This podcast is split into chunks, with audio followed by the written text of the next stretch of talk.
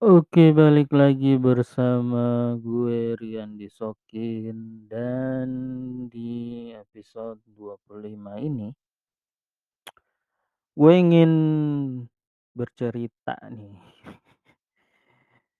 Gue ingin ceritain tentang ya Indonesia ini yang makin hari makin apa ya, gue berasa 2023 ini bukan makin adem ayem gitu, tapi makin banyak kasus yang gue nonton di televisi gitu. Dan apakah ini sebuah ujian bagi Indonesia? Kita kita kita nggak pernah tahu gitu.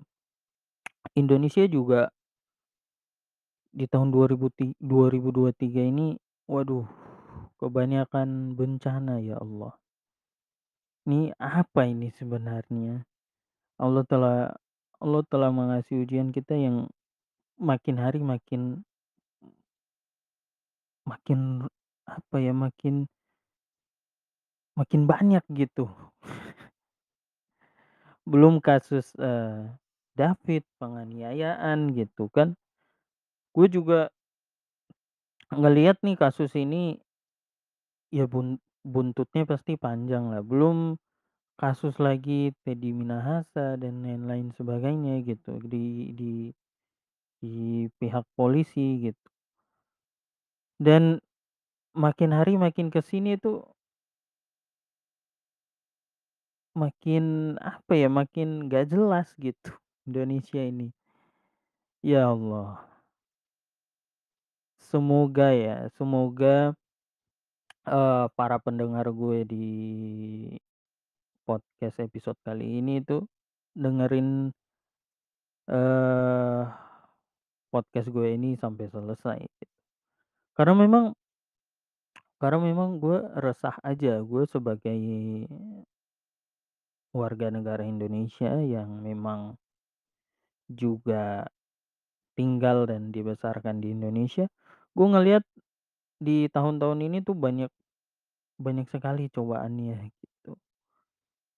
Dan setiap, eee setiap pergantian presiden pasti seperti ini. Mungkin gue nggak gue nggak lahir dan gue nggak nggak merasakan zaman, eee, presiden sebelum Pak SBY, tapi di zaman Pak gue ngerasain, Pak itu di akhir-akhir jabatan juga persis sama kayak gini, banyak musibah juga, gitu.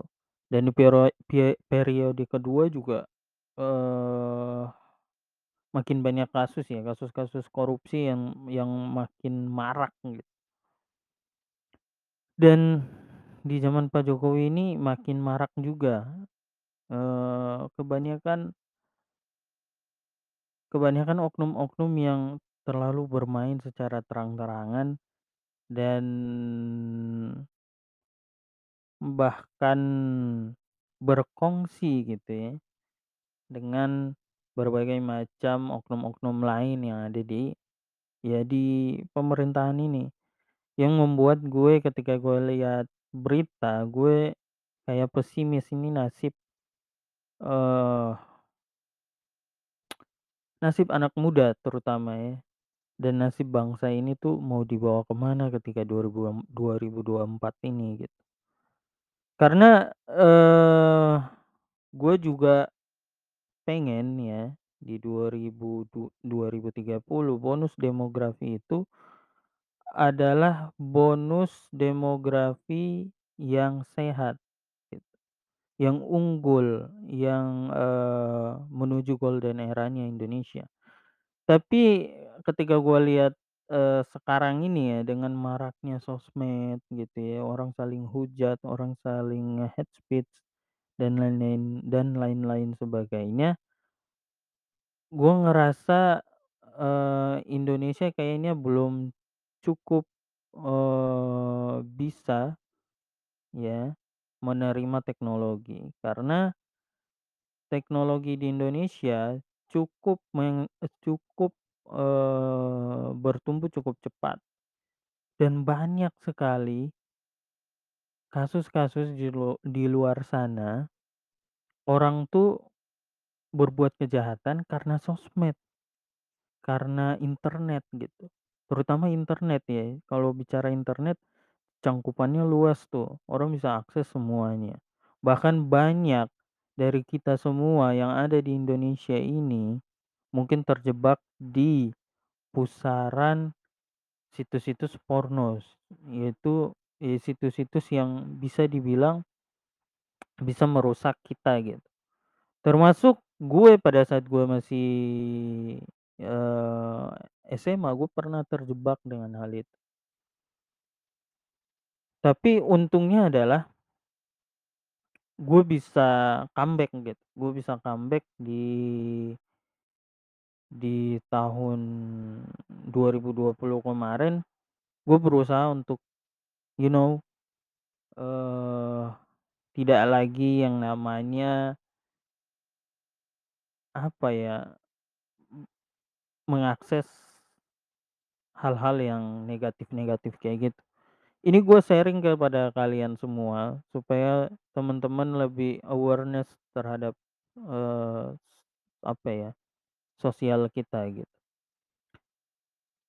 Karena kalau teman-teman hanya cuman, eee, kerja dan nyari duit ya berarti teman-teman hidup di dunia ini nggak ada tujuan hidup gitu. Harusnya teman-teman yang dengar podcast gue ini, harusnya kerja tuh sambil melihat sekitar dan mengajarkan kepada keluarga kalian tentang apa itu arti hidup gitu.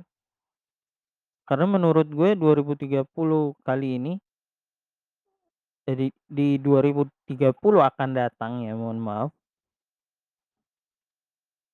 kita akan kita akan cacat secara secara apa ya secara moralitas cacat gitu, dan secara agama juga cacat karena kebanyakan orang-orang di Indonesia ini mohon maaf ya, banyak yang sudah ateis dan banyak sudah tidak apa ya, sholat tuh kayak dijadikan secondary of life gitu, padahal itu primary of life. Harusnya, eee, menjadi sebuah kebutuhan bagi temen eee, bagi kita semua eee, manusia yang ada di muka bumi ini gitu. Karena gue muslim dan gue Islam gue pengen tuh orang-orang Islam yang memang kerja untuk mencari rezeki, ya sebenarnya sih nggak salah-salah amat, cuman teman-teman harus ingat Tuhan juga. Teman-teman turun ke bumi ini nggak gratis.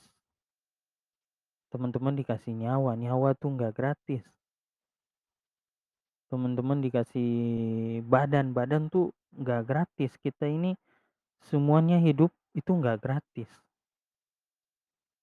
Ada ada ganjaran, ada sesuatu yang kita harus, eee, bayar apa yang kita lakukan di bumi ini gitu. Dan bagi umat-umat agama yang lain juga sama ya, teman-teman harus ingat Tuhan gitu. Ingat beribadah, jangan sampai meninggalkan ibadah. Karena di sini gue nggak tahu ya peribad peribadatan peribadatan agama lain selain agama gue doang yang gue tahu gitu. Dan dan ini makin runyam aja ketika di televisi tuh beuh banyak kasus-kasus moral yang harus diselesaikan sebenarnya. Oleh kita sendiri, karena kalau kita mengharapkan kalau kita mengharapkan pemerintah sampai Allah turunkan Isa Al-Masih, sampai Allah turunkan mungkin sudah saatnya bumi ini hancur, tak akan berubah orang-orang. Jadi kita yang baik itu harus menjaga keluarga kita dan orang-orang terdekat kita. Dan harus bisa meng-influence mereka untuk mengajarkan juga kepada anak-anak mereka. Misalkan, contoh ya, gue ambil contoh, lu udah nikah, lu ada pembantu, lu ajarin pembantu lo bagaimana cara hidup tuh yang baik, gitu.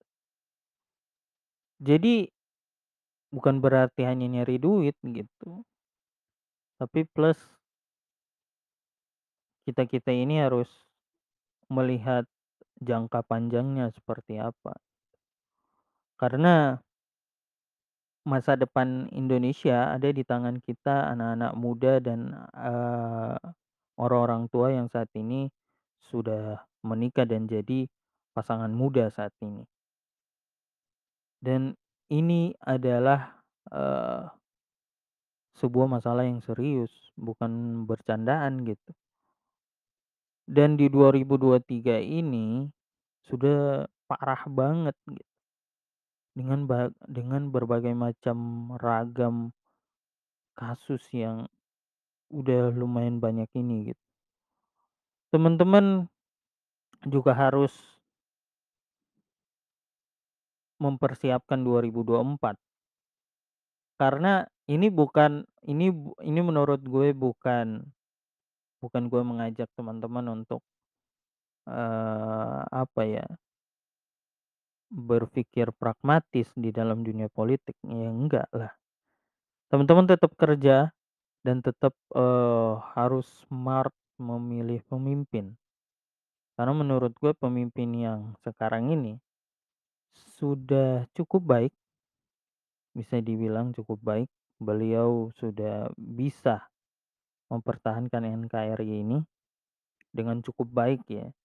Belum bisa dikategorikan lebih baik karena memang eee, di berbagai masalah banyak juga tidak terselesaikan mungkin. Dan harus diselesaikan juga di the next presiden yang akan memimpin Indonesia nanti. Dan teman-teman yang yang apa ya, yang berwarga negara Indonesia bahkan orang-orang bule yang baru mendapatkan kewarganegaraan Indonesia, ini harus turut dan patut berkontribusi agar Indonesia ini jauh lebih baik gitu. Karena yang gue lihat banyak paham-paham barat udah masuk ke Indonesia. Yang menurut gue ini udah enggak Indonesia udah sakit. Gitu. Bumi Pertiwi ini udah sakit gitu. Bentar lagi mungkin di UGD nih bumi Indonesia ini kalau moral kita semakin kita tidak jaga di luar sana dan dan kita tidak berusaha untuk lebih baik gitu. Dan kita tidak pernah dekat dengan Tuhan gitu. Ini yang gue takutkan ketika 2030 kita akan kekurangan banyak banyak sekali eee, orang-orang emas gitu. Dan kita nggak bisa ciptakan emas.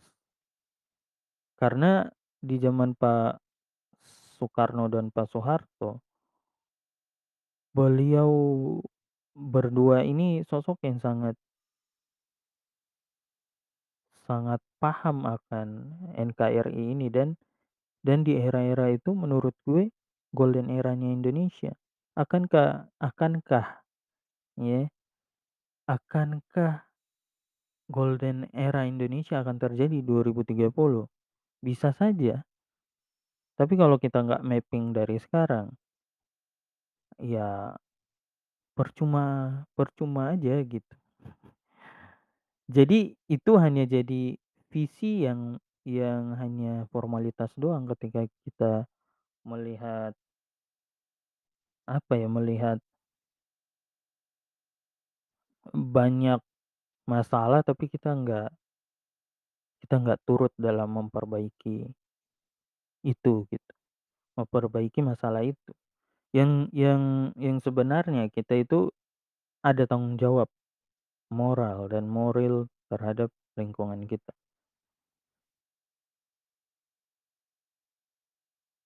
Ya itu mungkin keresahan gue ya di di episode kali ini ya, episode podcast kali ini karena memang gue ngelihat kebanyakan dari kita tuh udah cuek-cuek bebek tentang negara ini gitu. Kayak banyak anak muda yang bilang Eh, mereka mau ngapain aja kan terserah lah gitu. Ya sekarang gini, kalau lu ngomong lu ngomong seperti itu, berarti lu juga lu juga orang yang yang cuek ketika Indonesia ini dijajah secara kultur.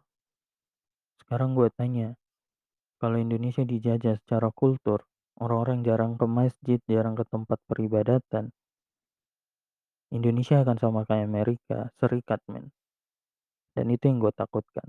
Dan di episode podcast kali ini, gue ingin teman-teman dengerin podcast gue ini sampai akhir. Karena ini berisi pesan yang mungkin teman-teman di luar sana harus wajib dengerin gitu. Ya kalau teman-teman gak suka dengan pembawaan gue, ya setelah silakan skip dan cari podcaster di luar sana yang lebih baik daripada gue gitu. Dan mungkin itu aja ya dari episode 25 ini. Gua nggak tahu lagi episode berapa nih. Dan eh pesan terakhir bagi gue, para pendengar gue yang sudah setia banget dengerin ya. Gue hanya pengen teman-teman fokus membangun karir teman-teman dan fokus membangun juga Indonesia di menjelang 2030. Udah segitu aja dari gue. Kurang lebihnya gue mohon maaf. Dan sampai jumpa di podcast gue selanjutnya.